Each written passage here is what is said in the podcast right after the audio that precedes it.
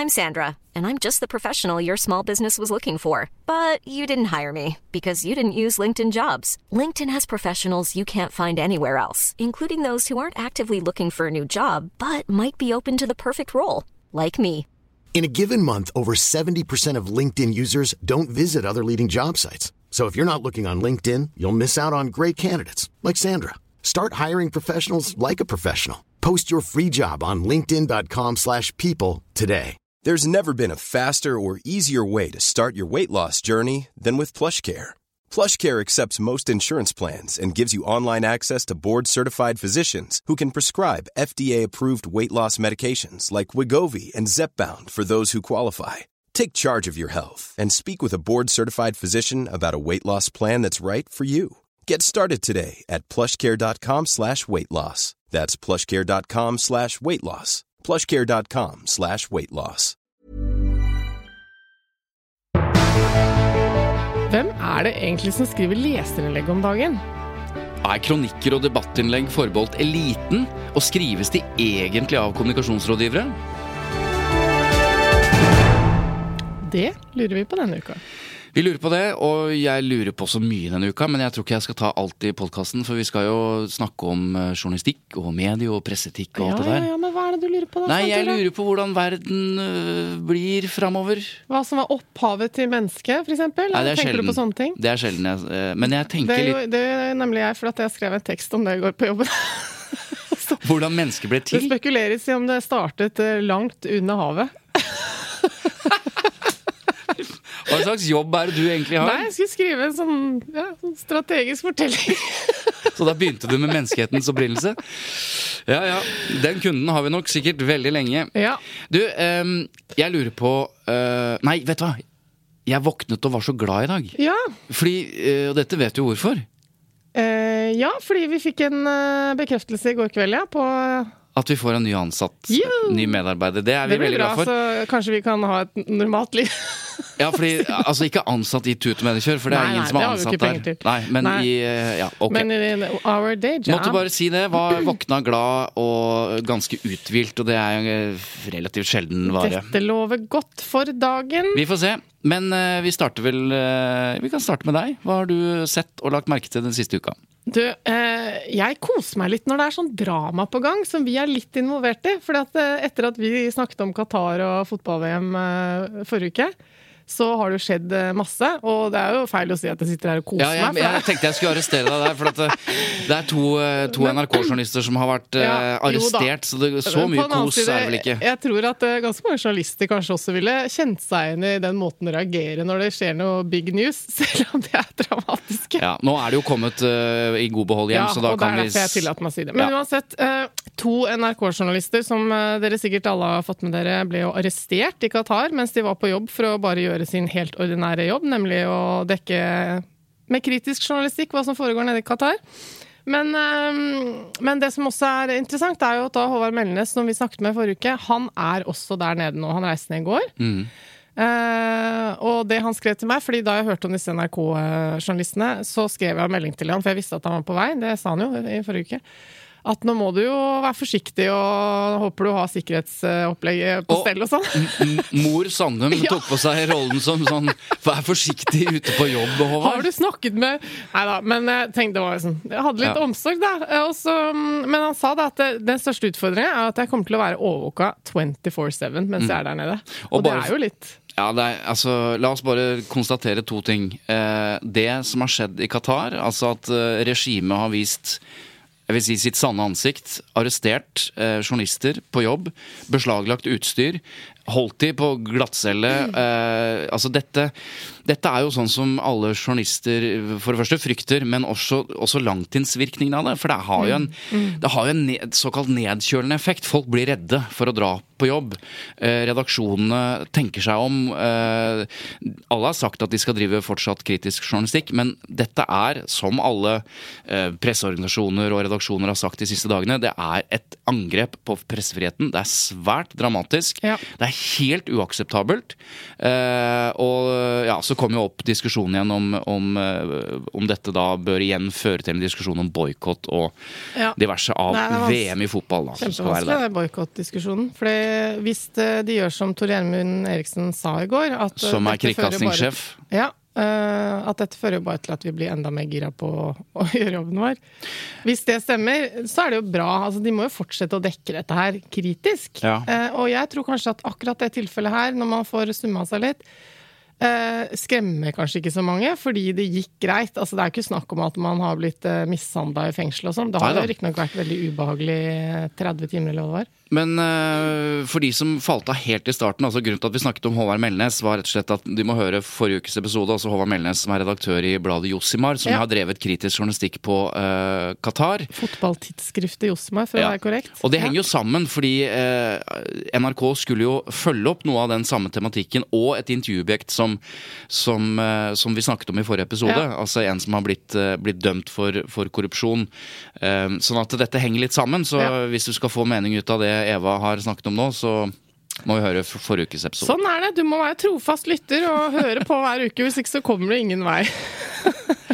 Da er det på tide å komme til hovedsaken vår. Det er det. Og da eh, jeg Vi skal nemlig ha en gjest i dag. Ja, altså Vi har egentlig fått en gjest, og for å være helt ærlig så var gjesten her før vi var her i dag. For Oi, vi kom litt seint. Så han har sittet og ventet nå eh, en god stund, og da er det på tide å introdusere han. Ja, for at i dag så skal det altså handle om debattstoff og leserinnlegg. Og vi skal altså ha med oss eh, Erik Tornes fra Aftenposten. Eh, Hva er din tittel? Eh, Kommentaransvarlig? Nei. Eh, nei, det er jeg ikke. Jeg er debattredaktør. det er nok mest presist. Ja.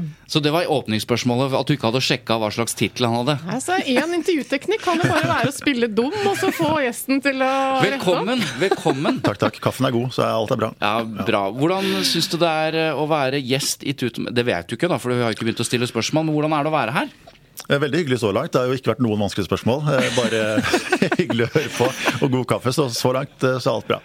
Men du, vi, altså Det er mange grunner til at vi har valgt leserinnlegg eller debatt- og kronikkstoff, Eva. Ja, det er det. For den største og viktigste ambisjonen med podkasten her er jo egentlig å bygge bro mellom vanlige folk og medier. Og hvor tydeligere bro kan man finne enn at leserne selv skriver innlegg i avisa? Ja, for det, altså De fleste leserinnlegg er jo skrevet eh, av folk som er opptatt av samfunnsdebatten, og de sender inn til aviser osv. Kan, kan du uh, Erik, kan du si litt om liksom, hvor står uh, kommentar, eller debattinnlegg og kronikker og leserinnlegg Hva er liksom posisjonen til det i dag, i 2021?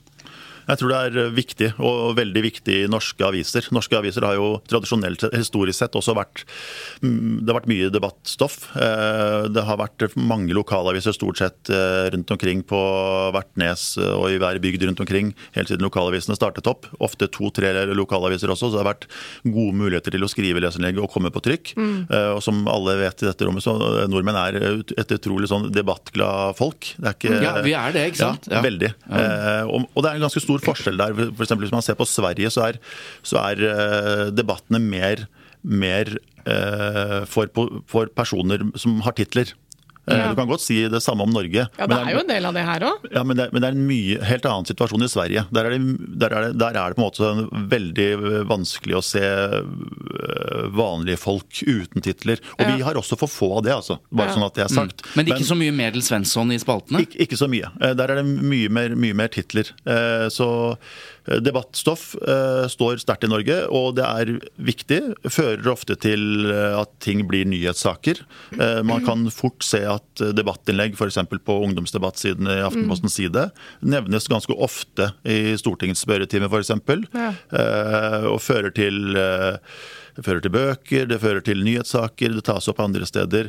Eh, Så, så Norge er et sted hvor debatt virker. Mm. Det er effektivt. Det blir lest, det blir reagert på. Og så skal vi si nå uh, til lytterne at vi kommer til å gi noen tips uh, i lag med, med redaktøren Ja. her ikke sant? om hvordan man skal skrive for kanskje enda bedre å komme, uh, komme på trykk. da. Så hold ut i de to timene denne episoden Men, men altså, la oss bare starte eh, liksom enda tidligere. fordi det vi erfarer når vi får lytterspørsmål, er at lyttere som vi har, som ikke da jobber i mediebransjen, de har litt problemer med å skille mellom alle disse begrepene. Én ting er liksom mellom eh, titler i redaksjonen, altså vaktsjefer, redaksjonssjefer og, og, desken og redaktører og journalister og bladi-bladi. Men også les, kan du skille litt mellom leserinnlegg, debattinnlegg, kronikk kronikker, kommentarer, essay Altså, hva er alt dette her for noe? Ja, de fire første har Kanskje ikke essay, da. For det ja. Ja, det, dette er sånn utrolig hyggelig å få spørsmål om dette utenfor egen redaksjon. Vi i debattredaksjonen i Aftenposten vi er utrolig opptatt av dette. Vi kan liksom snakke om det. Det er ingen andre, trodde vi, egentlig som er særlig opptatt av det. Jo, det er et helt hav av folk. Så det er veldig bra. Men for å starte liksom, eh, og her er det sikkert litt forskjell også, men, men leserinnlegg f.eks. Eh, det, det skrives av folk som ikke er ansatt i avisen. Altså Det er innlegg som kommer utenfra, eksterne innlegg. Noen som mener noe om et eller annet. Ja, Så det er en fellesbetegnelse, da, på en måte?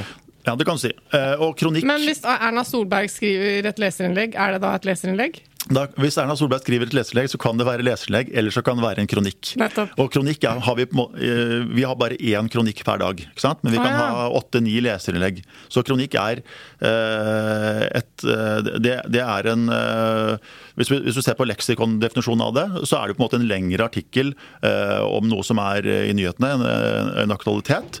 Eh, og som på en måte i gamle dager sto på fast plass i avisen. Nå står det ikke på fast plass noe sted, ikke sant? men, Ja. men eh, det er på en måte en liten institusjon. da. eh, Og som gir uttrykk på- for på for skribentens mening. Som gir uttrykk for skribentens mening, eh, men det kan jo være skrevet eh, av en eh, som representerer En organisasjon. Nei, ja, jo, oh, ja, sånn, men det kan, det kan være skrevet av noen som representerer flere enn seg selv. Det kan være en gruppe på Ja, Noen ganger er det sånn, ja. gruppe. Men, men det, det er noen som mener noe, stort sett. Men det kan også være noen som det kan være en debatterende tekst, Mm. men det kan jo også være noe informativt. Altså At du ikke vil, er ute etter noen eh, debatt i det hele tatt, men du vil informere om noe. Ja, sant? Det skrives jo av og til eh, kronikker eh, som vi også kaller forskningsformidling. Altså det er, det er noen som har funnet ut noe eller, eller vil sette søkelys på noe, så skriver de en kronikk som opplyser og liksom belyser. Og da er det ikke noen sterke meninger. Det er ikke noe sånn angrep på folk da. Nettopp. Men det, i, i forskning så kalles jo det ofte artikkel. Ja, men ikke hvis det skrives av no... Nei, men det er jo ingen altså, Men I sånne forskning- og vitendeler i sånne tidsskrifter, så er det ofte lange forskningsartikler. Ja, og det, og det er eh, interessant, men Hos oss så kalles ikke det artikkel. men Det kan være i, i fagkretsen at det kalles artikkel. Men Ja. når de sender til, til en avis eh, For noen år siden, nå tror jeg det er endret på det. Men så for, formidling er jo viktig. ikke sant? I akademia så er formidling noe av det de skal gjøre. Mm. Ja. Mm. Pålagt å gjøre. Eh, og da var det en sånn belønningssystem for at det skulle gli litt lettere. Da fikk de eh, en slags eh, belønning da, hvis det var eh, vignetten var kronikk. Men Ja. hvis vignetten var debatt, debatt ikke sant? Ikke kronikk, så var det, da var det ikke greit. Ikke sant? Så, der, Så da var det ikke noe honorar. Da var det ikke noe, det var ikke noe honorar, egentlig, men det er på en måte sånn at du, du, da, da er det, da, eh, hvis det er kronikk, så var det en del av formidlingen. Hvis det var debattinnlegg, så var det ikke en del av formidlingen. Ja, Ok, Nei, for Du får jo sånne forskerpoeng og sånn for å få Nettopp. Så, publisert. men dette var det ene, så må jeg bare si det andre. Ja. og det er, eh, Når det gjelder kommentarer, eh, så er det skrevet av folk som er ansatt i avisen, eller har en en slags fast tilknytning til avisen.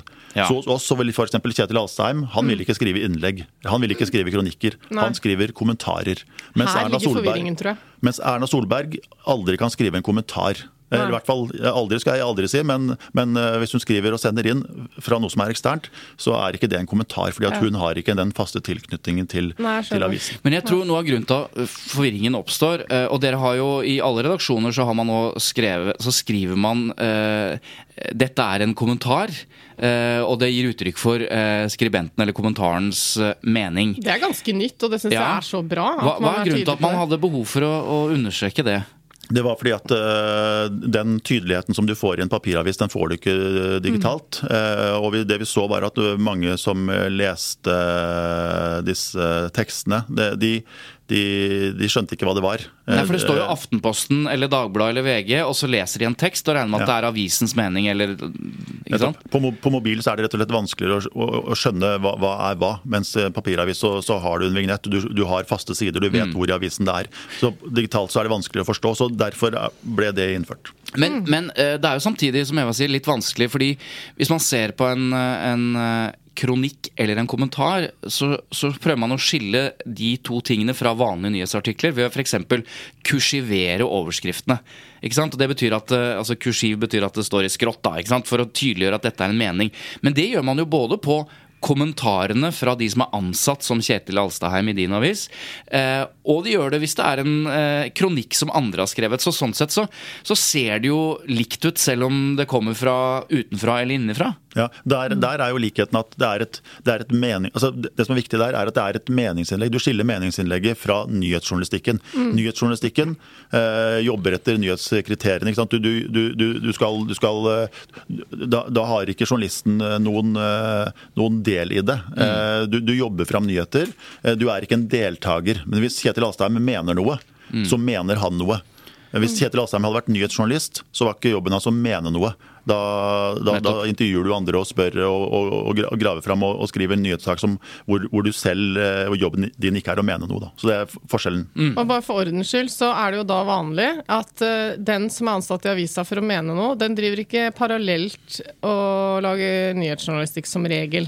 Det er riktig. Det er, en, det er en, hovedregel. og det er fordi at hvis du, hvis du kommenterer noe, eh, så er, du, så er, du, del. Altså du er en deltaker i en debatt.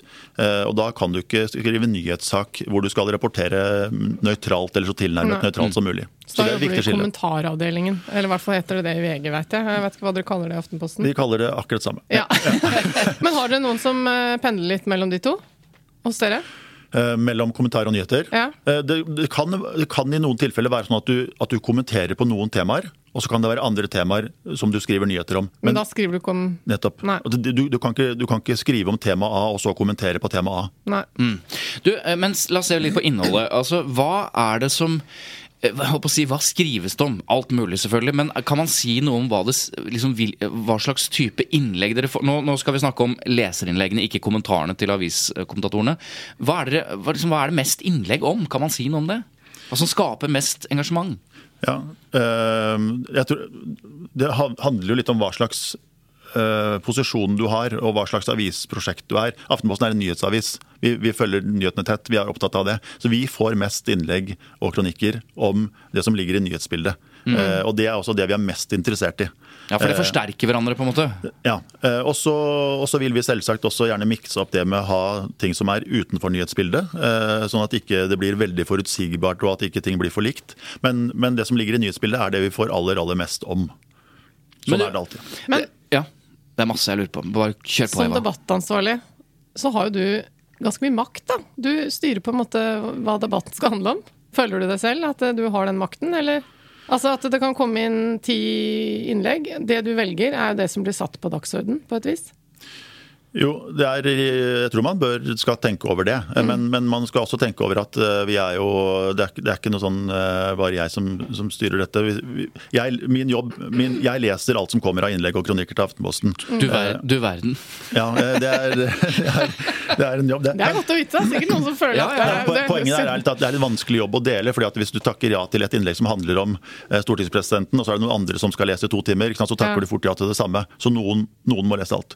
Men så er det så diskuterer vi jo. ikke sant? I redaksjonen, i debattredaksjonen diskuterer vi. Mm. Og hvis jeg får et innlegg om noe som, som Kjetil kan mer om enn meg, mm. eh, så sender jeg til han og liksom, hvor, spør han om hvordan vurderer du eh, hvor, hvor, sentralt er dette? Ja. Og så er det vi som tar beslutningen, men, men, vi har jo mange i Aftenposten som kan veldig, mange, veldig mye mer om mange temaer enn det jeg kan.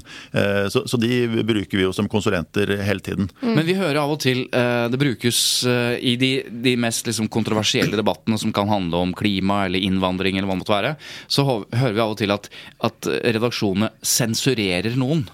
Uh, og da brukes det fordi man ikke har kommet på trykk eller kommet uh, på nett. Uh, kan du liksom hvor, hvor mange er det som sensureres? Altså ja. som ikke kommer på trykk, da, eller kommer, blir publisert? Ja, for det er farlig ord å bruke sensur. Det, det, det, er to, gode, to, gode spørsmål, eller to ting å kommentere på. det. For å ta det med sensur først, da, så er jo det eh, en helt feilaktig premiss at det er sensur. Mm. Fordi Aftenposten, hvis man tar det, vi er en redigert avis. Eh, så Vi skriver f.eks. ikke om alle nyheter, vi skriver om noen nyheter. Eh, og de nyhetene vi ikke skriver om, de er ikke sensur. Så Det er et redaksjonelt utvalg hvor man velger å gå inn i noen problemstillinger. Mm. Og Det samme er det når det gjelder debattinnlegg. Eh, vi kan ikke publisere alle innlegg vi får inn. Vi får ca. 70-80-100 på en vanlig dag. Og det kan, være, i, det kan være i alle mulige formater. altså det er Fra det helt korte til, til de mm. lange kronikkene. Mm. Men det er ganske mye, da. Og noen av de ligner på hverandre. Ikke sant? Men øh, vi kan ikke gå inn i alt det. Så da gjør vi en vurdering på liksom, hva er det som er mest interessant nå. Hva er det som er viktigst? øh, og er det, hvor, er det de, øh, hvor er det de viktigste debattene er nå? Takker vi ja til det. Og så og så takker vi nei til, til det vi ikke får, får, med oss. Og da er det eh, Det er ikke noen sensur i det hele tatt. Det er et redaksjonelt valg på hva vi, hva vi gjør. Det er bra du spurte om det med sensur. for eh, som noen kanskje har fått med seg, så har jeg sittet 14 år i Pressens faglige utvalg. Det har du. Eh, og der kom det eh, forbløffende mange klager fra eh, folk som har prøvd å få ting avis, eh, inn i avisen, ikke liksom blitt antatt. Og så, eh, og så, klager de fordi de opplever seg sensurert. Og det er jo en sånn gedigen misforståelse, for det er jo redaktøren som bestemmer hva som kommer i avisa. Men dette opplever mange, ikke sant? at de har noe som de virkelig vil ha ut. Ja, og så forsterkes det jo av uh, de siste, skal vi si, siste årenes polarisering og diskusjon rundt mainstream media, og man tenker at media som det du representerer, er mainstream. Og så vi må ha andre typer medier som eh, Resett og Dokument eh, og disse liksom alternative, ofte på høyresiden. Også noen eh, blogger på venstresiden. Men, men den diskusjonen rundt liksom sensur, eller at dere ikke vil ta inn ting som er såkalt kontroversielt, da. Kan du si noe Altså hvis noen skriver et innlegg om klima som f.eks. avviser at vi har noe særlig problem rundt det, så har jeg inntrykk av at det er grenser for hva dere ønsker å sette på trykk fordi dere rett og slett faktasjekker det. Kan dere si noe om, om liksom hva Dere har jo redaktøransvar for det som kommer. Si litt om faktasjekken dere må gjøre, da. Jeg synes Det høres ut som et, et drømmespørsmål, for jeg har et eksempel her som er egentlig veldig relevant. Ja, ja, og Det er fra Los Angeles Times, som for Nå er det, ganske, nå er, det noen år siden, men da, da, ble det mye oppstuss. fordi at de, de skrev, debattredaktøren skrev en kommentar eh, hvor han forklarte at nå ville de ikke lenger ta inn innlegg eller kronikker hvor det, hvor det, står at eh, det ikke finnes noen bevis på at klimaendringene er menneskeskapte. Mm. Eh, og så ble det oppfattet som at de da sa nei til folk som var kritiske til, til menneskeskapte klimaendringer. Mm. Men de, de, poenget der var jo at det de sa nei til, var, det var en er en påstand som er faktasjekket. Mm. Det, det er, det, hvis man skriver i en avis at det finnes ingen beviser for at klimaendringer er menneskeskapte, det er feil. Det er det samme som å si at uh, det finnes ikke noen beviser for at jorda er rund. Nettopp, for det, det finnes det. Så, ja. og, og, der er jo pressen skal, pressen skal ikke publisere ting som man vet er feil. Det, eh, det, er det jo også regler for. Men det som vi jo kan gjøre gjøre, ha debatt om, det, og som vi har hatt debatt om, det er jo eh, i hvor stor grad er klimaendringene menneskeskapte. Sant? Ja. Mm. Men ikke ja. det faktum om de er eller ikke. For det er liksom... og, da er liksom- det noen som ser på det første som sensur. Det er jo ikke sensur. Mm. Det, er, altså, det, er en faktasjekking. og Hvis det ikke stemmer, ja. så skal du ikke publisere det. Og da går vi ofte tilbake liksom, eh, her må du skrive om, eller hvordan vil du formulere dette? Ja, for det, det, er et samarbeid der eventuelt. Men jeg tror jeg har et eksempel fra Norge. For han eh, Ole Jems Onsdag han skrev jo et debattinnlegg i fjor, tror jeg. Eh, eller var det i år? I Bergens Tidende? Nei, det var i Stavanger Aftenblad, tror jeg. Ja. Eh, med tittel 'Ap og AF misbruker 22.07', som skapte en stor debatt. Uh, og det var jo også litt sånn at uh, det var såpass mye feil i premisset i teksten hans. Han jobber jo på BI, da. Han måtte jo gå ut og og avkrefte at han skrev som representant for BI, at det, det, han, måtte, han, sto for ja. sine egne meninger privat osv. Og så ble, ble til slutt teksten hans litt redigert, en del faktafeil ble til slutt tatt ut, og Stavanger Aftenblad endte med å skrive en redegjørelse for hvorfor de hadde valgt mm. å sette det på trykk, til tross for at det egentlig var et premiss som samfunnet for øvrig var ganske uenig i. Hva tenker du om, om altså, altså, Man går inn i den dialogen med, med, med skribenten? Ja, altså det kan man eh, det, det, det hender jo ofte at vi gjør. Det kan være på små ting, men hvis det er på store ting, hvis det er liksom for helt avgjørende ting ved teksten, så er det jo ganske Da er det ikke så mye håp for den teksten. Hvis, mm. liksom er, hvis, er, hvis premisset er feil. Mm. Men hvis det er, hvis det er en detalj som, eh, som, er, eh, som, vi mener er feil, eh, eller som vi mener at det mangler referanser på, så vil vi jo gå tilbake til, til, til innsender og, og, be om referanse på det, eller, eller, kanskje vi også foreslår Mener du egentlig det? Mm. mm. Så, så, så det gjør vi ofte. Men det er en Det er en, eh, en ting som gjør at du må sette ting på trykk. Ja, mange, ja, altså, du, Fortell. Du, du, du tenker sikkert på tilsvar, Ja. Ja, og, og samtidig imøtegåelse. Så, så, så det er helt riktig, og det er bra du sier det. fordi at eh, det er jo en ting som når du i stad sier at eh, vi, kan, vi velger hva vi skal ha med, eh, så gjør vi jo i stor grad det. Men så er det også en del ting vi ikke velger. Eh, Og det er klart, eh, hvis det er en person som blir kritisert eh, i Aftenposten, så skal vedkommende ha en rett til å svare eh, på en ordentlig måte. Ja, ikke sant? Så det er, hvis, det, hvis det i artikkelen ikke har vært eh, å si, eh, faktuelt nok og viktig nok til at den personen har rett til samtidig imøtegåelse, altså svar i samme artikkel, at journalisten ringer opp for å få inn svaret i sin Da er det tilsvar, som det heter, og da har man lov til å kanskje dagen etter eller noen dager etter svare i et eget innlegg. Det, det er det som er tilsvar. Det stemmer. Så hvis, hvis, hvis det er eh, faktiske påstander, altså noe som kan bevises eh, om et alvorlig forhold, eh, så, så plikter man å hente inn samtidig imøtegåelse. At man kan svare samtidig. Det gjør vi også på Debattplass i en del tilfeller, faktisk. Ja.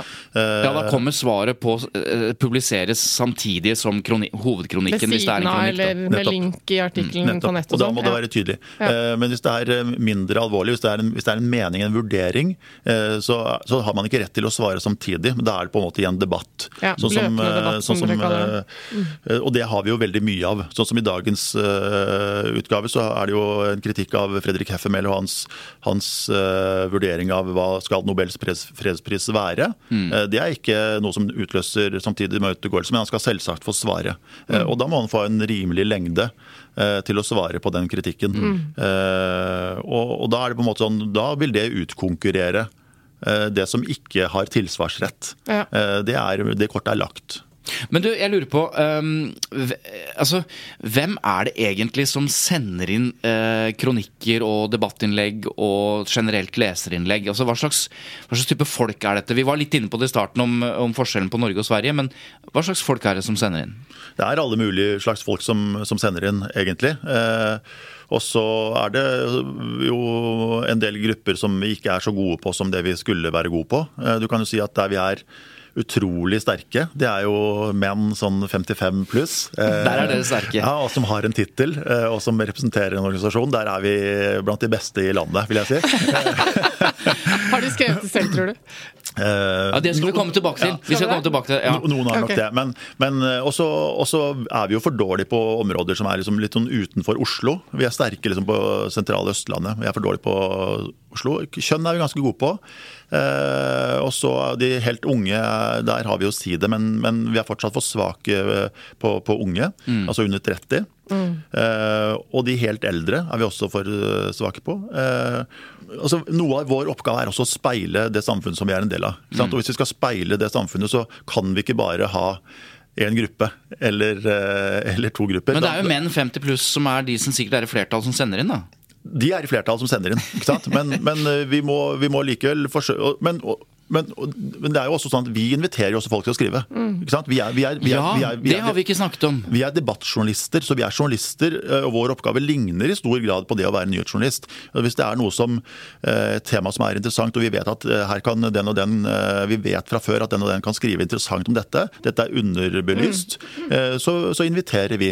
Så miksen av det vi publiserer der, er kanskje sånn 50-50 av det vi får inn, og det vi, Ah, ja, og det ja. vi inviterer. Så det kan ringe Svein Tore og si vi trenger noe meningsgreier om Baneheia. Da, Da, da, da, kommer det, da da kommer det et Men, innlegg. men dette er ganske interessant, fordi dette berører en annen ting som jeg tror folk er opptatt av. Altså, Når noen eh, går ut, eh, og, eller hva slags begreper, eh, tar til orde for, eller et eller annet sånt, altså i nyhetsjournalistikken, fronter dette her og eh, Ja. alle sånne, Ja. det vi kaller veldig sånn proaktiv aktivitet. Altså Man tenker at her er det noen som bare har tenkt nå har jeg fått nok av dette her, så nå går jeg ut i, Ja, i en liten disclaimer. Veldig ofte har de blitt oppringt av en journalist og spør hva mener du om det. Det er det og så som er når poenget du kommer mitt. på trikk Det er det som er poenget mitt. At det fremstår som om noen ikke har klart å sitte på hendene sine og bare 'Dette må jeg mene', men i realiteten så er det noen som 'Vil du mene om dette?' Ja, jeg kan jo kanskje mene om det. Og så fremstår det som noen har gått hjemmefra, Ringt. banket på døren i redaksjonen og sier 'Hør på dette her!'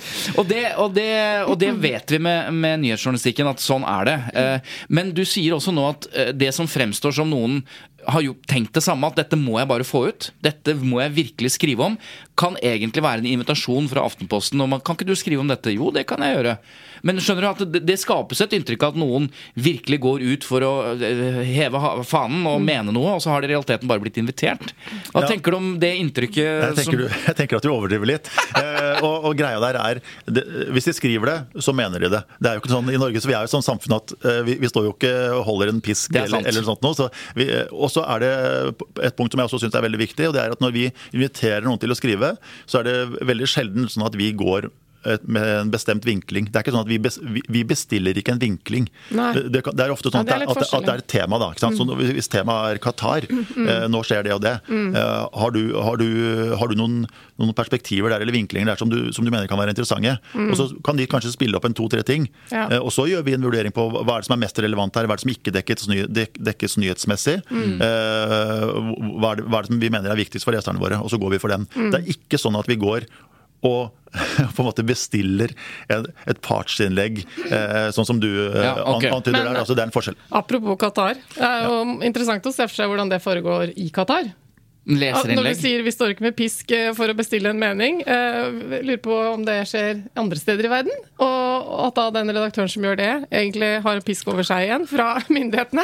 I hvert fall så er kildekritikk viktig. da, ikke sant? Man, hvis man leser, eh, hvis man leser leserinnlegg i Norge, så kan du stole på Ja. at det, den som skriver det, mener det. Ja. Uh, Men, men ja. vent nå litt. Fordi nå er vi tilbake til det Eller nå er vi der jeg sa vi kommer tilbake til det. Fordi ja, kan man egentlig vite det? For dere vet jo ikke hvem som skriver innleggene. Altså Vi som jobber som kommunikasjonsrådgivere, vi kan f.eks. si det at vi har skrevet innlegg for ledere og kunder, kronikker, som, uh, som de mener, åpenbart. Hvis ikke så hadde de ikke sendt det inn.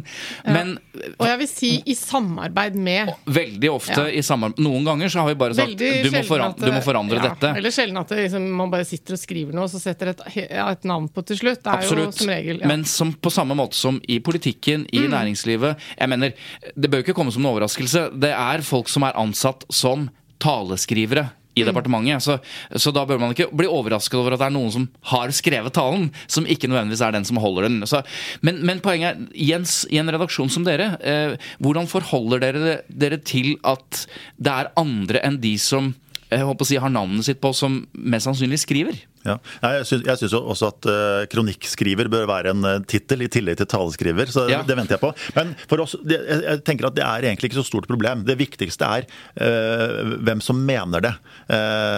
Ikke sant? Og, og og hvis det er noen som, som, som jobber med å skrive ting, så, så er det sånn som Eva sier, at den som står som avsender, mener det jo. Og hvis den som står som avsender, ikke mener det, så vil jo den som har skrevet det, få sparken.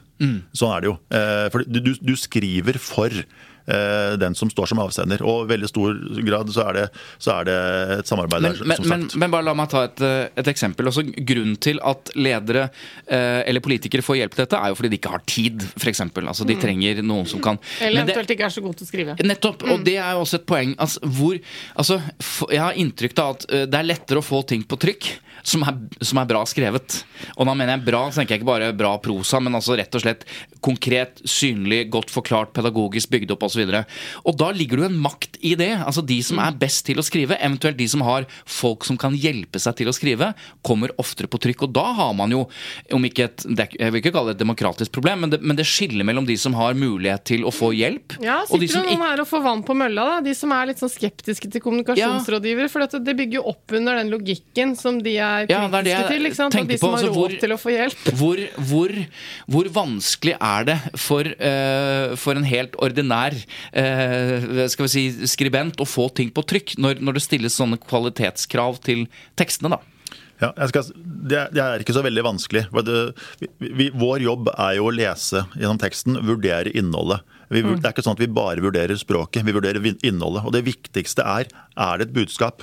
Hva Mm. er poenget? Hva er hovedpoenget? Og det, det, Hva som er hovedpoenget, kan ofte være utydelig selv hvis du skriver helt korrekt norsk. Mm. Så no, noen, av, noen av de dyktigste spaltistene i Norge liksom de 10-15 siste årene skriver ikke spesielt godt i utgangspunktet. ikke sant? Og så får de hjelp av en redaksjon. Som det, skal- men det som aldri er tvil, er de har de har et budskap. sant? De har en mening. Og det må skinne gjennom. Og om språket det er sånn eller sånn, det spiller ikke så stor rolle, for det kan man eh, kjapt gjøre noe med. Men hvis teksten kommer, innlegget kommer til oss, og vi ikke skjønner hva som er hovedpoenget, da takker vi nei. Så det er klart at sånn sett, Du, du, kan, du, kan, ikke være, du kan ikke være bablete i teksten din, og liksom, sånn at te, poenget ditt blir utydelig. Men, men, du, men du trenger ikke være veldig god til å skrive. Men poenget ditt må komme fram. Men dere desker det, sier du. Her tror jeg det er ganske mange som er litt nysgjerrig. Altså, eh, jeg ser for meg at eh, der hvor dere ser at det, er, det bor en bra mening, og avsenderen er interessant og sånn, så går dere sikkert ganske langt inn i å hjelpe den personen hvis det er forholdsvis dårlig skrevet. Ja, eller gjør dere det? Altså, Hva gjør dere med teksten? Det, er, eh, det, det avhenger litt av, av, innlegget, men det kan være forskjellige ting. Det kan være I noen tilfeller så, så vet vi at det kan være folk som fint kan skrive om Mm. Vi ser her er, Dette er et godt poeng, men, men, her er det meste tatt ut tidligere. Det som er spennende her, er de to siste avsnittene. Mm. Kan dere skrive om og vinkle på det, mm. Eh, så tar vi den gjerne. Og så, og så, sender vi den tilbake og får en ny ja. ting inn. Andre ganger eh, så kan det jo hende at, eh, at det ikke er en stor jobb å gjøre. Og så kan det hende at vi da vi dytter det kanskje siste poenget først, og så vil vi sende tilbake til debattanten. Ja. Eh, det siste poenget ditt er det viktigste. Ja. Her har vi bare løftet det opp, ja. Eh, og vi foreslår at du bruker, foreslår denne tittelen. Eh, er du komfortabel med det? Så hvis, hvis, det er endringer som er vesentlige i et innlegg eller en kronikk, så sender vi det alltid tilbake med et forslag. Ja, Og det er arbeidsmetoden, ikke sant? For jeg har jo også hørt folk som, som, sier at nei, men det viktigste ble tatt ut av innlegget mitt, eller jeg ble, ble klippet klippet og sånn. At man får inntrykk av at noen er overrasket over at ting er tatt bort. Men det du sier er at deres rutine er at den som har signert et innlegg, vet hvilken form av innlegget som kommer på trykk. Det er ikke sånn at dere bare velger ut halvparten av teksten og setter det på trykk. Nei, det er det for det ikke. tror jeg det er en del som er litt redd for. Ja, men det er jo det kan dette, altså, øh, Jeg antar at ikke dere har gjort det, men vi har fått bevis og eksempler innsendt til Tut og Mediekjør hvor det er innlegg som har blitt redigert av øh, en avisredaksjon. Nå gidder jeg ikke å si hvem det var, for da må vi drive med tilsvar og dritt. Men, men det har blitt redigert. tekstene har blitt ja. gjort om mm. mot kronikkforfatterens ønske og viten. Ja. Eh, hva, hva, er, eh, hva syns du om det når det skjer? Nei, altså det, det, det, vi ikke ønsker, er jo at eh, hvis det blir en debatt i etterkant av et innlegg, og den debatten handler om oss, så har jo vi gjort en feil. Hvis folk mm. sitter eh, i Dagsnytt 18, og så er de invitert der for å, for å, følge opp en debatt som har startet hos oss, og det første de sier er at denne tittelen kjenner jeg ikke igjen. Eh, den representerer ikke min, mitt hovedpoeng. Vi, vi, ønsker ikke det. Så det er, ryddig, det, er ryddig, det er best for oss, det er best for debattantene. Så hvis, Det hender jo at vi ikke sender tilbake, men da er det småting. Da er det da er det, det, vi, da er det, det vi mener er detaljer, mm. ikke vesentlig. Mm. Så I alle tilfeller hvor det er vesentlige endringer, eller det kan også være at vi ikke mener at det er vesentlige endringer, men innleggene er om temaer som hvor det, kan, hvor det kan, bli mye trygt. da. Mm. Og, og, og, du må være komfortabel med den tittelen din, for det er du mm. som skal stå i det. Mm. Så, så, er det ryddigst at da sender vi det deg. Er du komfortabel med denne? Eh, er det greit at, mm. at dette er tittelen? Men jeg vil litt tilbake til det der med ghostwritere som du var inne på. Ja, Tore. det var akkurat det jeg tenkte. Ja. vi tenker så likt. Vet du. Ja, kjempebra. Fordi, Kjør på. Uh, det, det, ble hva skal jeg si, avslørt uh, at en rekke høyrepolitikere altså de ble ferska i at de hadde en litt sånn rar leserinnleggpraksis. Hvor det var fem-seks høyrepolitikere Jeg tror det var flere, det var en hel som hadde gjeng. det samme innlegget, den helt samme teksten. Alle var formulert i jeg-form. La meg bare lese overskriften. Det står ja. 'Mine tre store bekymringer'. Jobben og helsa. Mm. Det var litt rart, da, for de hadde tre bekymringer, og så var det glemte skolen her, kanskje. altså jobben, skolen og helsa. Dette er mine altså Til og med Overskriften tydet på at det var eh, personlig mine bekymringer. Mm. Og den uh, overskriften fantes da i ja, mange aviser over hele landet. Arbeidsledigheten rammer også i Nordland, f.eks., skrev han som fikk det publisert i Nordland. Da. Så dette ja, så ble publisert ut, i Østlandets Blad, i Gjerstad, Fremover, Oppland Arbeiderblad, i Tromsø osv. Med ulike bilder og navn. Mer eller mindre identisk, identisk tekst. Og det er jo ikke kjempeoverraskende, men det, det fremstår jo ikke bra. Hva tenker du om det? Jeg ville, jeg, jeg ville, følt meg litt lurt. Ja. Jeg ville gjort det. Som, eh, som debattredaktør? Som debattredaktør. Og jeg ville også tenkt at vi lurer leserne våre litt, Vi, mm. hvis de hadde fått, fått, vite det. Så eh, jeg tenker at eh, det er litt, eh, litt juksete. Mm. Men, men, samtidig så sa du i stad at hvis den som står som avsender, mener det, sa du i stad, så er det jo ikke noe stort problem. Det er åpenbart en ghostwriter her som sitter sentralt i Høyres kommunikasjonsavdeling, som har skrevet utkastet. Her, bare tilpass litt Nordland og litt Oppland og sånn, så får dere dette Ja. på trykk. Det er åpenbart noen som har skrevet det for dem. Eh, men de mener det jo. Ja, eller de må mene det i kraft kraft de, av de mener, hvor de jobber. det, det virker på en måte ikke det, det, som jobber med det er litt en sånn kontrakt som er brutt der mellom innsender og oss. da. For Ja. det, det, det er på en måte ikke deres initiativ. Eh, Det er på en måte sånn, det, er, det, er, det, er ikke, det, det, blir mer, det blir mer som at det er, det er egentlig ikke fra dem. ikke sant? Det er Samtidig- egentlig ikke fra dem. Nei, og også en annen i samme sjanger. Altså, vi fikk jo lese et eh, innlegg av tidligere LO-leder Yngve Haagensen, som eh, Jeg husker ikke om han tornet, det er jo det han vanligvis gjør. men... husker at du imiterte han og leste opp noe fra den for lenge siden. Kan du gjøre det igjen? For da fikk jeg meg en god latter, husker jeg. Jeg er helt sikker på at fagbevegelsen må men, nei, altså, Poenget mitt var, øh, den gangen også var at han har en sterk stemme. Har hatt en sterk stemme og vært en mektig person i norsk offentlighet. Han torner i et innlegg, jeg tror det var i VG, øh, og det var til støtte for Jonas Gahr Støre øh, i Arbeiderpartiet. Og så viser det seg at han har ikke skrevet den teksten. Han har ikke tatt initiativ engang til den teksten. Det var på husk noen fra Arbeiderpartiet som tok kontakt med Yngve Haagen, som sa det var jævlig greit hvis du mente dette og støttet litt Jonas nå. Ja, det var han enig i. Eh, og så ble det skrevet en tekst som han kunne stå for. Han leste selvfølgelig teksten, sa ja. Han hadde ikke tatt initiativ, han hadde ikke skrevet den. Eh, og da er vi også i en sånt Jeg vet ikke, jeg tror nok noen ble overrasket og følte seg lurt, mens andre bare ja, men det er sånn det funker. Den sto ikke i Aftenposten. Men Nei, jeg er eh, glad for at den ikke sto i Aftenposten. Fordi? Eh, Nei, for det, er, litt det samme som den vi snakket om i stad. Det er jo, det er jo eh, det, Og du ser på reaksjonen der etterpå at folk syns ikke det er greit. Det er derfor det blir en sak ut av det. Det blir kritikk mot eh, Arbeiderpartiet. Eh, Det blir kritikk også mot Yngve Haagensen. Ikke sant? Mm. og, og, da, og da lykkes de jo ikke med det de egentlig vil. Det er ikke den debatten de vil ha. Nei, men da skiller vi på eh, Vi snakket om taleskrivere som tittel. Altså kanskje vi skulle hatt en, en tittel som kronikkskriver også. Men hvis, hvis noen etter landsmøtetalen til eh, Erna Solberg si Vet dere hva? Det er ikke Erna Solberg som har skrevet den eh, landsmøtetalen.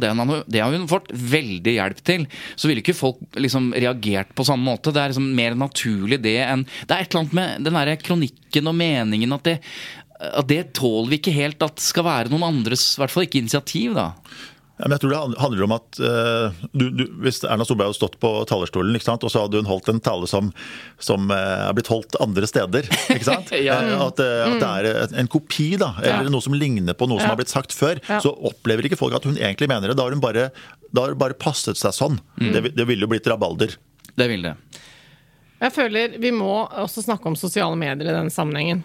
Det er jo, for, medier er jo litt ulike. Mitt inntrykk er at det er noen medier som, som veldig ofte plukker opp eh, meninger som de ser på Facebook, og ringer eh, vedkommende spør kan vi publisere dette i avisa. Det skjer i hvert fall veldig mye i den bransjeavisa vi snakker mye om. Men hvordan, hva tenker du om det? Leter dere etter meninger på Facebook som dere kan gjøre det med? Ja, også der. Eh, Ja. Det, det er jo eh, vi, vi leter etter kilder og debatter eh, mange steder. Mm. Det kan være podkaster, eller det kan være på Facebook, eller det kan være på Twitter, eller det kan være Insta, Mm. eller andre aviser. Så det, det gjør vi mange steder. Så- da, det er ikke noe spesielt ved det. Akkurat den biten der at du ser noen som kanskje har et poeng, som de har nevnt. Ja. Og så kan det være at dette, dette er jo egentlig et innlegg.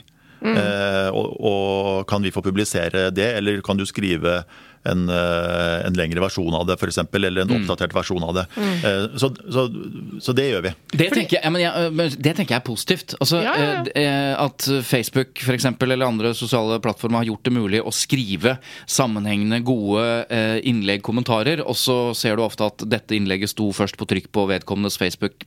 Det mener jeg er på en måte en Ja, ja, ja. ytterligere demokratisering. Da, Jeg er bare er litt interessert i å vite om, eh, om det er en del som tenker kanskje litt som meg, at eh, er det så viktig å drive og styre med å sende leserinnlegg til avisa? Jeg kan jo bare Ja, sånn, ja. få det ut på Facebook. Og, og min logikk er nok litt sånn at uh, hvis jeg har veldig lyst til å ytre et eller annet, men har ikke tid til å sette meg ned og prøve å skrive noe bra for å sende til deg.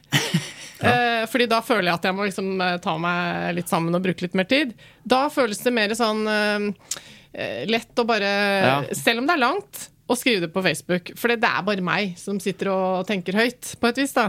Men hvor mye altså Det er en forskjell, da, for at du har jo riktignok uh, sikkert mange venner, Eva, uh, på Facebook. Men forskjellen er at når det kommer publisert i Aftenposten, så er det vel litt annen type si, spredning på det innlegget, antar jeg? De har litt for, for, for, forskjellig funksjon. Og det er jo mm. det, det, det, spørs jo litt hva, hva er det du ønsker med det, rett og mm. slett. Mm. og der er det jo sånn at i noen tilfeller så fungerer Facebook, Facebook noen, noen ganger så kan det være en konkurrent. Men da skal, du, da skal du ha mange lesere, eller du skal ha stor spredning.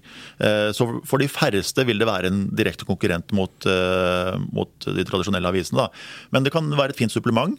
Eh, og og, det fungerer stort sett veldig greit. Det som jo på en måte hvis, hvis veldig mange skriver bare på sine egne Facebook-vegger, så vil du få veldig mange små debatter. Mm. Så det vil som regel ikke føre til veldig mye. Eh, men noen ganger gjør det det. Men, eh, men, dette er jo ofte en sånn slags kjede, og det kan man godt, godt si at mange, mange, ganger Noen ganger så starter det med at noen skriver noe på Facebook, langt eller kort, eller noe sånt, og så blir det videreutviklet. Mm. Men det er klart, skriver jeg på Facebook, så holder det seg innenfor min lille mitt ekkokammer på et vis. da, Og dersom dere hadde plukket opp da, så ville det jo nådd eh, litt andre folk. Så det er jo det som uh, avisa eventuelt kan bidra med, at det, det når bredere. Nettopp. Og så mm. er jo du en sånn person, ikke sant? så folk vil være interessert i det du skriver. Uh, det kan man like eller ikke like. Veldig fin sagt. Det var veldig fint sagt. Men, men sånn er det jo ikke for alle. Nei. ikke sant? Uh, og det er jo på en måte uh, der avisene uh, kommer inn. Vi har mange lesere. Mm. så man kan godt si at for, for, noen har jo også brukt det at demo, Facebook er en sånn det er en demokratisering. Nå har alle mulighet til å, ja. til å skrive, er det mange som sier. Og det er jo riktig. Det som er ut, det som på en måte er den andre siden av det, er jo, er jo ikke nødvendigvis alltid så viktig. Det viktigste er ikke alltid at du skriver, men at du kan bli lest. Mm. Ikke sant? Så hvis, du, hvis, du, hvis, publikummet ditt er fem personer, så har du egentlig ikke blitt hørt. Mm. Ikke sant? Og der er avisene fortsatt viktige, da. Mm. Ikke sant? Du, eh, vi har snakket med Retriever, analyse- og medieovervåkningsselskapet eh, Retriever, og de har jo hjulpet oss, Eva, å ja, se på liksom, Veldig ofte. Mm. Eh, ja, og også denne gangen. Eh, det mest populære debattstoffet. Altså, eh, hvem tror du topper lista over medier som genererer mest engasjement på Facebook? Altså, hvis du skjønner, dette handler jo da om debattstoff som er publisert et eller annet sted, og så går tilbake igjen, hvis man kan kalle det det. Eller i hvert fall spres i sosiale medier, og det deles og det likes ja, og holder på. Si, hva gjør ikke det nå til dags? ikke sant? Hva ender ikke der? Ja, og eh, eh, hvem, Hvilke liksom, publikasjoner er oftest skaper mest engasjement da, på Facebook? Tipper du.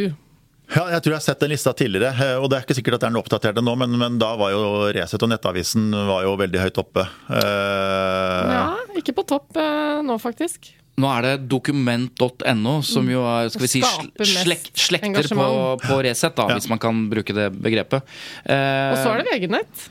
Ja, i hvert fall den oversikten vi har. Ja. Eh, at det er, og Dagbladet, Resett, Nettavisen, ja. Poenget er at eh, vi finner ikke Aftenposten eh, så høyt oppe på ting som skaper engasjement på Facebook. Hva er din hva er din umiddelbare reaksjon på det, Tornes? Jeg har hvert fall, jeg skal ikke si ingen kommentar, men, men eh, nei, det, er, det, er, jo litt forskjellig hva slags, hva slags, avisprosjekt er man, da. Mm. Eh, Aftenposten er en uh, abonnementsavis i stor grad. Og, og så vår modell er jo at leserne kommer til oss, leser, leser. Og så er Facebook viktig for oss også, men ikke så viktig eh, som det kanskje er for noen av de andre. Men er ikke dette bare et uttrykk for at tematikken og det som skrives på kommentar- og leserstoff, mm. engasjerer, på en måte?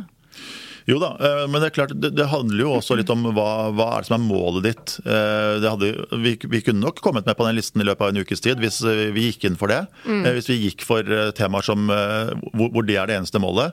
Men, men det er klart at debattstoff, ingen tvil om at det engasjerer. Eh, der er det sånn, Nå tror jeg det er fire-fem år siden, men da var det en, et år hvor eh, 19 av de 20 mest leste sakene på Aftenposten.no det året var eh, debattinnlegg og kronikker. Ja, og, og, det var fordi på den tiden så eh, så, så, så, var det noe med, med, med titlingen. Eh, mm. Nyhetssakene hadde på en måte ikke Nei, gjort den endringen ennå. Mens du fikk fram det engasjementet, den meningsytringen, Eh, hva, hva, du virkelig mente, var mye tydeligere ja, ja. På, på, leserinnleggene og kronikkene. Og for Ikke overraskende så sier jo Retriever at det er polariserende meninger og temaer som klimapolitikk og rasisme og krenkelsesstoff som, som skaper mest engasjement. da. Ja, Det er kanskje ikke så overraskende, men, men der er det trøkk. Altså på, spesielt på krenkelse, som jo da øh, inntar mange liksom, varianter. Men, men hva er det som Har du noen eksempler på stoff som virkelig har engasjert uh, altså, hva, slags type innlegg er det som leses veldig godt hos dere? da? Har du noen eksempler på det? Ja da, det har jeg. Eh, Og, og det, som, det som jo alle de temaene som er nevnt der, er jo viktige, eh, så vi kan ha mye der. Men jeg bare så I går kveld så, tok jeg den, så jeg på en liste på hva som var mest lest de siste par månedene. Og Det som jo er fellesnevneren der, og det er jo ikke noe overraskende i det hele tatt, det, det er eh, eh, altså personlige historier. Ja. Hvor, hvor, hvor du kombinerer eh, personlige erfaringer med en høyere himmel. Så når du har den kombinasjonen. For eksempel Ja, hvis, du, øh, hvis du skriver om øh, Hvis du skriver om øh, hvordan det er å Hvis du skriver om, om aktiv dødshjelp, da. En, som, en som skrev om det, Mm. og med utgangspunkt i sin egen situasjon. Mm. sant? Da, har du, da har du en utrolig sterk historie. Ja. Eh, men du har også en ut, veldig viktig og vanskelig overordnet debatt. Og når de er kombinert, Ja. eh, så, så opplever folk det som både som viktig og som gripende. Jeg skjønner. Jeg har et eksempel, jeg òg. TV 2s Yvonne Fondenes. Hun skrev jo et innlegg eh, 'Mammas hår er revet ut av hodebunnen'. Hun er skambanket av pappa igjen. Eh, Som skapte masse reaksjoner og debatt. Og faktisk også førte til at Jonas Gahr Støre kommenterte saken. Og det ble skrevet uh, ca. 20 innlegg uh, og meningsbærende oppslag. Ja, for da har du akkurat det det som da. du snakker om, eh, Erik, at du har en personlig historie. eh, Og problemet er uh, Dette handlet da om, om, eh, om vold i nære relasjoner, Ja, som er familien, et mm. stort eh, tema. Og så er jo hun kjendis i tillegg, da. Vi skal Ja. legge på det at Ja, eh, da, det, det er kanskje en faktor til som spiller litt inn iblant. Ja, Ikke nødvendigvis øh, kjendis, men det, det, kan, øh, det kan hjelpe, det. altså. Mm. Men, men øh, det, det, viktigste er kanskje at, det er, at leserne oppfatter at det er en, et relevant ståsted. Mm. Og hvis, og hvis øh, folk er kjent med, med skribentens fra, før, så har de på en måte plassert vedkommende. Mm. Og, og da vet de kanskje at ok, vedkommende har noe Vi vet at vedkommende har peiling på dette. Mm. Og Samme, samme tilfelle hos oss til forrige uke, når Jørgen Skavlan skriver om fastlegesystemet. ikke sant? Folk kjenner Mm. godt til han. Eh, Han skriver om hvordan er min arbeidshverdag nå i dette systemet som ikke fungerer. Mm. Eh, handler om eh, en, en dag på kontoret, men også om et system som, eh, som etter hans mening da må endres. da. Men eh, også finnes det jo eh, innlegg og kronikker som er mer av eh, skal vi si, ikke kuriosart, men også som, som kanskje overrasker, som får veldig eh, oppmerksomhet. Og jeg vet at Et innlegg i Aftenposten som jeg husker som jeg vet ble mye snakket om, det var rett og slett et innlegg som handlet om et bilde av Jonas Gahr Støre. Skapte ekstremt mye greier. Hva, er det som, hva skjedde der? Ja, det er fra kjøkkenet? Nei, Nei. det var bare Jeg husker ikke Hva, hva var det innlegget Det var fra valgkampen i 2017, eh, hvor, hvor disse plakatene, valg, ja, ja, ja. så var det et bilde av Støre hvor, hvor, eh, hvor det var en innsender som hadde eh, husker jeg ikke bakgrunnen, da, men, men var fotograf eller had- altså, Ja, had- hadde en slags faglig bakgrunn på utvelgelse av bilder, ja. Så hadde på en måte en, sånn, en, en bakgrunn for å skrive noe om det. Eh, og da, var det, det var mange, det, da virket det som at dette var noe som kanskje folk hadde eller De hadde gått og sett på dette bildet, den plakaten, i tre uker. Og så var det noen som skrev kanskje akkurat hva de selv tenkte. Ikke sant? Men de satte ord på det. Ikke sant? Så, of, noen ganger når man kommer dit, så er jo det veldig bra, da. Ja, fordi da sånn Hvem er det som har valgt ut dette bildet? Men det, den samme debatten var vel eh, etter det bokomslaget til Hadia Tajik. Det Ja. vel også med et eller annet debattinnlegg, tror jeg, hvor noen eh, endelig satte ord på det. Ja, eh, Hvor, hvorfor, er dette, hvorfor er dette forsiden på ja, boka? det utstråler helt feil ting, eller Ja. jeg husker ikke helt. Mm. Ok, til slutt, vi må gå inn for landing her, Tornes. Og det handler om å gi eh, flere folk da, eh, både lyst og skyv og råd til å skrive. For det, er jo det vi har snakket om nå, er jo, det er jo en veldig viktig del av norsk offentlighet at folk tar til eh, spaltene. Men før vi går inn for landing, så Ja. må jeg bare komme med, med eh, verdens morsomste leserinnlegg. Ja, Eh, Og det er jo som vanlig valgt ut av BA-desken, han som er så morsom på Instagram. ja. Men det er altså fra Lofotposten i desember 2019. Eh, overskriften er 'To ord om parkeringa i Svolvær sentrum'. Innlegget er 'Fy faen'. Og det er Altså, hele Det korteste leserinnlegget. Og det hadde vært et tilsvarende en annen gang med den der rundkjøringa av amfi, Amfien i Svolvær. Eh, og så var det eneste teksten i innlegget 'Herregud'. Men det forteller jo en del. Men det, har jo, det, det skapte jo utrolig mye debatt, faktisk. Ja, ja. For det er som du sier, folk følte liksom at endelig er det noen som sier akkurat det jeg mener. Trenger ikke å si noe særlig mer enn det. Og det morsomste er at jeg leste et sted at At- Atle Antonsen han fanga opp det leserinnlegget, og så delte han på Instagram-profilen sin og skrev to ord om nordlendinger. De leverer! Ok, Men altså, eh, vi har eh, som nevnt så vidt eh, erfaring med å skrive innlegg. Jeg har det personlig. Jeg har engasjert meg i ulike debatter og hatt veldig veldig skal vi si, god erfaring med å ta til spaltene, som det heter. Eh, og så skriver vi også av og til i samarbeid med, med andre. Men hvis du skulle gi noe liksom, råd for hvordan flere kan komme til orde og sette sette dagsorden og, og, og skrive gode tekster som vi begynner å, å snakke om i samfunnet vårt. Hva, hva er det de skal tenke på da? De skal tenke først og fremst på hva som er hovedpoenget, Mm. og så skal de skrive det. Eh, Det høres litt enkelt ut, men eh, Nei, I, i, i, i Nord- i Nord-Norge så, så var det enkelt. Fy faen, det var hovedpoenget. Ja. Men litt mer enn det, kanskje? litt, gjerne litt mer enn det. Men, eh, men det vi ser ofte av folk som sender inn, er at det, det ser ikke alltid ut som at de, har, at de har hatt en disposisjon eller en klar plan før de begynner å skrive. De har ofte et tema, eh, og så ser det ut som de skriver seg litt varme. Eh, Og, og de har en tankeprosess mens de skriver, og så kommer hovedpoengene til slutt. Og For mange så er dette på en måte en sånn faglig måte å skrive på også. Så det er, det er mange gode grunner til at det kan bli sånn. Men det vi jo vet nå, er jo nå er mobilen den viktigste flaten for veldig mange. Mm. Jeg tror det er 59% Axios, eh, sånn nyhetsbrev eh, gigant som, som hadde en undersøkelse 59% av de som deler innlegg på Facebook, eh, de deler uten å ha lest det. Ikke sant? Så Hvis du vil at noe, noe poeng skal bli oppfattet, så må du ha det tidlig. Du, du, må, ha det, tit- du må ha en god tittel. Eh, Ikke som en akademisk tekst som, hvor, hvor alt kommer til slutt, på en måte. Nei, nei. Nei. Eh, for, for da, da er, det, er, det er en del som ikke er med deg. Så du må, du må komme Hva er hovedpoenget ditt? Og, ha, og det fungerer jo nå. Ofte nå kan man ha ganske lange titler. Dette har jo også endret seg de siste årene. Du kan ha ganske lange titler, så du har ganske god plass. Kanskje en setning eller kanskje til og med to korte. Så du har plass til å ha hovedpoenget ditt. Start med det, og, og da er du egentlig i gang med å skrive. Så, og så vil jeg også si at det, er, det funker ofte veldig godt hvis man er litt bevisst på liksom, hva er det du stanser opp ved selv. Hva, er hva, er hva, hva er i Facebook-feeden din? For der er det enorm konkurranse. Eller når du leser på nettaviser, hva er det du stanser opp på selv, og hva er det, hvilke grep er det de har gjort? La deg inspirere. Ikke kopier, men la deg inspirere. Nettopp. Eva, du, Ja. hva har du som råd? Jeg har prøvd meg på en sånn tipunktsliste. Jeg kan jo lese den opp, så kan dere kommentere. Oh, ja. Se om dere er enige. Ja, så, ja, Da tar du punktene, og så skal vi Ti punkter. Ja, ja. Skriv enkelt. Enig. Skriv kort. Der er jeg veldig dårlig selv. Ja, for lengdene har jo noe å si. Man skulle jo ikke tro det. fordi at altså Når dere publiserte på, i, på papir, så er man jo avhengig av å få det på plass på sidene. Men så tenker jeg ja, men for pokker, nå er det jo nett, da. Og jeg liker å skrive litt langt, da. Eh, og da men det er jo plass på nettet. Det er plass på internett, men eh, det vi, det vi ser da er jo at veldig mange, veldig mange eh, går ut av teksten etter sånn ca. 3000 tegn. Ja. Og er, I gamle papir så er det en Og noen ganger så leser jeg ting jeg har skrevet før og fått publisert. Et lite øyeblikk nå, hva sa du? det, og så nå føler jeg ja, der landa det fint. Og så er det et bilde og noe sånt så alt jeg på nettet. Og så nei, men søren, der fortsatte jeg jammen meg Ja.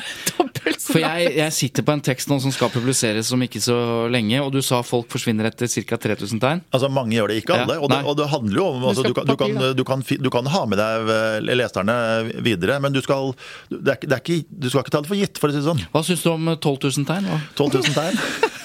Vi har kanskje det til Det felles kan at vi har litt mye på hjertet noen ganger. Nei, og jeg må også si, bare, sånn, bare nevne der, at En av de mest leste sakene vi har hatt de siste ti årene, Bjørn Sterk, som skrev et sånn jule... jule sånn, han skrev en kronikk om religion. Ja. En sånn egentlig eh, en veldig utrolig fin tekst, da, og han er utrolig god til å skrive. 65 000 tegn. Fint, da gidder jeg ikke å kutte ned den teksten. Eh, Nummer tre. Neste. neste. Hold deg til saken. Ja, fordi det er veldig lett at man har så mye på hjertet som er litt sånn eh, krumspring. Ja. Enig. Nummer fire. Eh, lag en engasjerende inngang. Absolutt. Viktig. Nummer fem.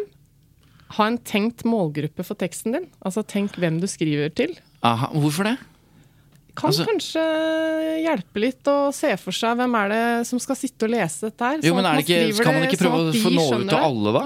Hele tiden? Nei, det, det mener jeg som kommunikasjonsrådgiver ikke alltid er så heldig. Da? Det er jo lurt å, å tenke f.eks. at nå snakker du for komplisert. For det, det du ønsker nå er å formidle det til folk som ikke skjønner denne saken så godt. Og så må du se for deg det er en som ikke skjønner bæret Ja. av det temaet. Du sitter og nikker nå, Tone. Godt råd. Må- Målgruppetenkning i, i Ja, da, men- det vil jo, det vil jo kunne, det vil kunne variere litt fra Ja. hvor, hvor du ønsker å få publisert det. Men det er jo sånn, det som, det som vi er opptatt av, når vi, hvis vi takker ja eller nei, eller publiserer det, så er jo vi, vi tenker at dette skal være interessant for så mange som mulig av våre lesere. Ja. Eh, Så da er det, det, Så der er det nesten er å ta måte, det videre, ja. Mm. Det er vår målgruppe. Så kan du bare ha noen, eh, noen snevre innenfor innenfor der, da. Du har kommet til nummer seks. Ja, nummer seks er jo eh, liksom, hent fram dine egne argumenter. Fordi jeg antar at eh, redaksjonen vil jo helst ikke bare ha en sånn oppramsing av fakta som folk tenderer til å ikke sant, skal være flinke. Så man skal, sånn, Ifølge han så er det sånn, og ifølge hun så er det sånn. Så glemmer man litt sin egen mening. Ja, Bra. Enig. Nummer syv. eh, bruk gjerne fakta som støtter det du mener. Så ikke det bare er en mening som eh, flyr opp i lufta et sted. Det er også, ser vi at det er krav fra leserne nå. altså eh, Dokumentasjon, lenker, referanser. sånn Ja. at, de, at de, de, de trenger på en måte ikke nødvendigvis stole bare på deg. Nei. Eh, De har også noe mer. Ja. Det syns jeg er interessant, fordi når jeg skriver en tekst nå som er lang, som dere har skjønt, så har jeg lagt inn eh, på en måte lenkene, ikke fotnoter, sånn som i akademiske tekster, men løpende lenker i teksten. Og det ser jeg redaksjonen også er opptatt av, fordi da har man hele tidlig mm. muligheten til Å ja, dette lurer jeg på, og så bare klikker man. Det, det, er, øh, det tror jeg er en fordel.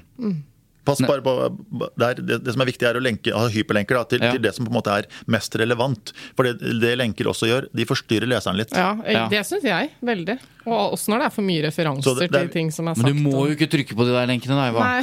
Men de forstyrrer. Og som vi vet på mobil, så er det er så sinnssykt mange grunner til at du kan gå ut. Så det er, referanser er viktige, men vær litt selektiv med liksom Ja. hvor mye. Enig. Punkt åtte, Eva. Ja. Vær saklig. Hæ? Det kan være fristende noen ganger å bli litt usaklig.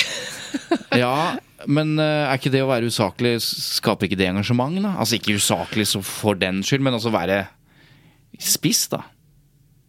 Jo da, men det, det å være saklig gjør det, jeg tror i hvert fall det er større mulighet for å få folk til å ta debatten videre. Det, altså, det er, det er, det er, folk har et større ønske om å gå i debatt med deg hvis du er saklig. Hvis du er usaklig, så Det er det, er det samme hvis du sitter rundt et middagsbord Ja. og noen er usaklig. Hvor, hvor lyst har du til å gå inn i den debatten? Ja, da, da, da snakker du med noen andre.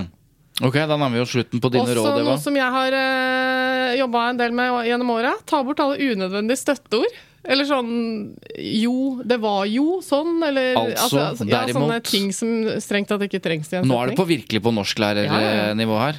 Og så er det et profesjonelt råd da, til slutt, og det er begynn med å sende til ett medie.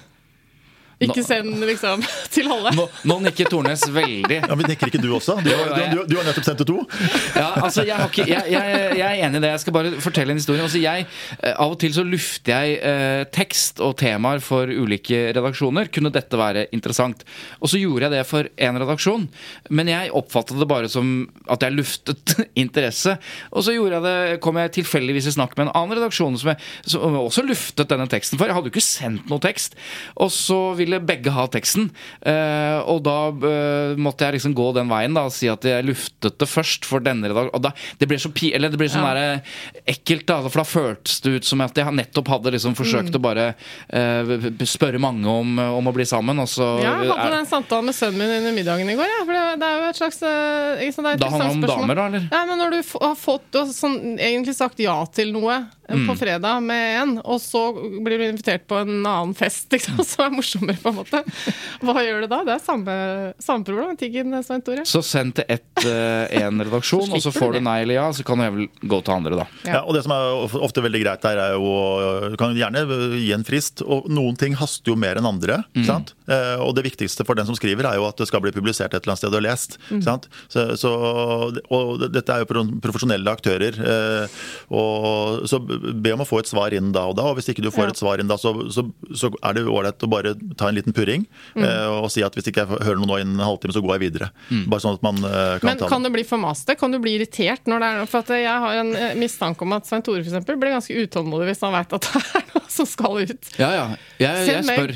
Når kommer det? Kommer det ikke snart? Ja. Jo, men det, dette er tilbake igjen Unnskyld, Erik. Altså, dette er tilbake igjen Altså, Mediene de tenker ikke så mye på hvor viktig det er for folk, og, og at de handler, eh, blir publisert. Det gjelder vanlig nyhetsjournalistikk. Så jeg sier når jeg holder foredrag eh, for journalister, som jeg av og til gjør, så prøver jeg å minne om det. Husk at kildene deres, altså ikke de profesjonelle kildene, men de andre, de er kjempeopptatt av når dette blir publisert. Ikke bare fordi de De skal skal dele det med, ja. med familie og venner og sånn, men de, de må jo vite Kanskje det er en sånn sterk mening da, som kommer til uttrykk. De vil jo vite når den Mm. kommer ut. Og det samme gjelder leserinnlegg, så jeg blir liksom, liksom prinsipielt irritert når jeg har sagt 'når kommer den?' Og hvis de sier 'vi aner ikke', Mm. nei, det må du da finne ut av. For jeg vil vite sånn cirka når dette Ja, kommer. For pleier du det? Å si fra når du har bestemt deg for at noe skal på trykk, og gi beskjed hvilken dag det kommer og sånn, til den som har skrevet det? Vi kan bli bedre på det. Men, Ja. det, det, som, det, som er, det som er viktig poeng, det du sier, altså hvis det er, hvis det er kilder som på en måte er litt, sånn, litt ferske, eller, eller hvis temaene er sensitive, hvis det er vanskelig, så er det spesielt viktig. Ja, for det går jo å oppdatere Aftenposten hele tiden. Når kommer det, når kommer det? Det vil vi veldig gjerne at man skal gjøre. Ja, så det er veldig bra. Men uh, nei, det er Det er derfor de gjør det, kanskje. Det er, eh, det er viktig, det. altså Spesielt som sagt, hvis det er på en måte sånn ting som du, som du kan være litt nervøs for når det kommer ut, Mm. så, så er det viktig. Det skal vi si avslutningsvis, i hvert fall jeg vil oppfordre flere enn de som har prøvd. Jeg oppfordrer både venner og familie og alt. Du må skrive om det! Skriv om det i avisen. Vi må bare ha en, eh, en oppfordring til å gjøre det. For det, er, eh, for det skaper et mye større meningsmangfold når flere, og da ikke minst de som du etterlyste helt i starten av sendingen, Erik, altså flere som har annen type bakgrunn, erfaring og perspektiv, at de også skriver inn. Det blir litt mer mangfold i spaltene. Mm. Er det noe du har lyst til å Nei, Vi bare bygger på det. for Det det er klart at det, er sånn, det norske samfunnet er jo en slags dugnad. Mm. Man gjør det man kan for at det skal bli litt bedre fra den ene dagen til den andre. Eh, Og det å skrive debattinnlegg eh, Man trenger jo ikke å ha alle svarene på noe. Man trenger, innimellom så trenger man ikke å ha noen svar, men du kan ha veldig gode spørsmål. Mm. Eller du kan eh, ha forsket på noe i fem år eller ti år eh, som er eh, hvor en liten del av det kan være viktig i en politisk prosess. prosess. Så det at liksom alle, eh, så mange som mulig bidrar med det de kan, om det er forskning, eller om det er spørsmål, eller om det er kunnskap eller erfaringer, ikke sant? summen av det eh, er jo på en måte det som skal drive samfunnet litt framover. Da. Så det er viktig, rett og slett. Amen, vil jeg si. Jeg er helt enig. Og det er fint at vi går ut på en, eh, på en, eh, på en sånn tone, fordi eh, vi er ferdig. Ja, vi er det. Eh, og, og da må vi si takk til Erik Tornes, som er debattredaktør i Aftenposten. Det stemmer. Og eh, takk til Eva Sandum, som dukker opp eh, hver, Hver gang vi, hver gang vi skal ha podkast. Og takk til Svein Tore Bergstuen. Jeg vil også si eh, takk til Retriever, som har gitt oss ganske godt underlag her. Kanskje vi kan poste noe av det vi ikke rakk å gå gjennom eh, på i en Facebook-tråd. Det kan vi gjøre. Og hvis det var spørsmål vi ikke stilte og ikke fikk svar på, eh, åpenbart da, hvis vi ikke har stilt det, så still gjerne til oss, skal vi prøve å besvare det. For nå håper jeg jo at folk blir gira til å skrive, og da lurer de sikkert eh, på noe. F.eks. hvem sender de til? Altså, vi, Ja. De sender til oss, Aftenposten. Jo, jo, men, ja, men eh, liksom, hei at Aftenpo- eh, Ja, det, debatt, debatt etter Aftenposten. Debatt etter Aftenposten, debatt etter Ja, Aftenposten. altså det, som regel, alle ofte. nettaviser, hvis du scroller til bunnen, så finner du som regel en oversikt over nøkkelpersonene som jobber der. Og der vil alltid Mm. Nei, debatt det eh, Fint at du sa det, for da, da vil jeg oppfordre eh, flere redaksjoner som hører på, hvis noen, noen hører på. Det kan bli veldig mye tydeligere eh, hvem man, hvem man skal henvende seg til. Veldig enig i det. Eh, det kan ikke være så vanskelig å sette e-postadresser. Jeg skjønner telefonnummer kanskje ikke Ja, men nødvendigvis, men det synes jeg de altså, må, altså. gjør det litt lettere å ta kontakt med dere. Det er bra. Altså, vi driver jo litt research og intervjuer folk og ringer til aviser for Ja, å få svar på ting. Det tar veldig mye tid. Og vi skjønner at det er bevisst. Ja. Vi skjønner at det er litt sånn som, vi skjønner at det er litt sånn som banken, som ikke vil ha alle disse telefonene og e-post. til, eh, Du må leite som sånn. en profesjonell for å finne ut hvem du skal ta kontakt med. Ja. Og, det, og da begrenser jo selvfølgelig henvendelsene seg til uh, omtrent. Ja. Og så må vi takke Atle Andersen, som hjelper oss litt med underlaget til episoden. Da, Tut da har vi husket alle. Lyder Produksjoner. Tut og Menneskjør produseres av Lydi Produksjoner, hva jeg skulle si. Og, eh, og det er vel egentlig det vi trenger å si. Takk for nå. Takk for nå, da, Erik. Veldig hyggelig. Takk.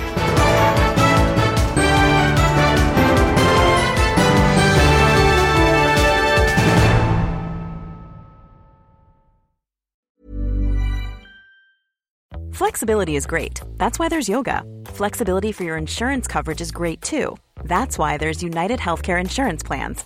Underwritten by Golden Rule Insurance Company, United Healthcare Insurance Plans offer flexible, budget friendly coverage for medical, vision, dental, and more. One of these plans may be right for you if you're, say, between jobs, coming off your parents' plan, turning a side hustle into a full hustle, or even missed open enrollment. Want more flexibility? Find out more about United Healthcare Insurance Plans at uh1.com. When you make decisions for your company, you look for the no brainers. And if you have a lot of mailing to do, stamps.com is the ultimate no brainer. It streamlines your processes to make your business more efficient, which makes you less busy. Mail checks, invoices, legal documents, and everything you need to keep your business running with stamps.com. Seamlessly connect with every major marketplace and shopping cart. Schedule package pickups and see your cheapest and fastest shipping options from different carriers with rates up to 89% off USPS and UPS rates. And with the stamps.com mobile app, you can take care of mailing and shipping wherever you are. Make the same no-brainer decision as over 1 million other businesses with stamps.com. Sign up with code program for a 4-week trial plus free postage and a free digital scale. No long-term commitments or contracts. That's stamps.com. Code program.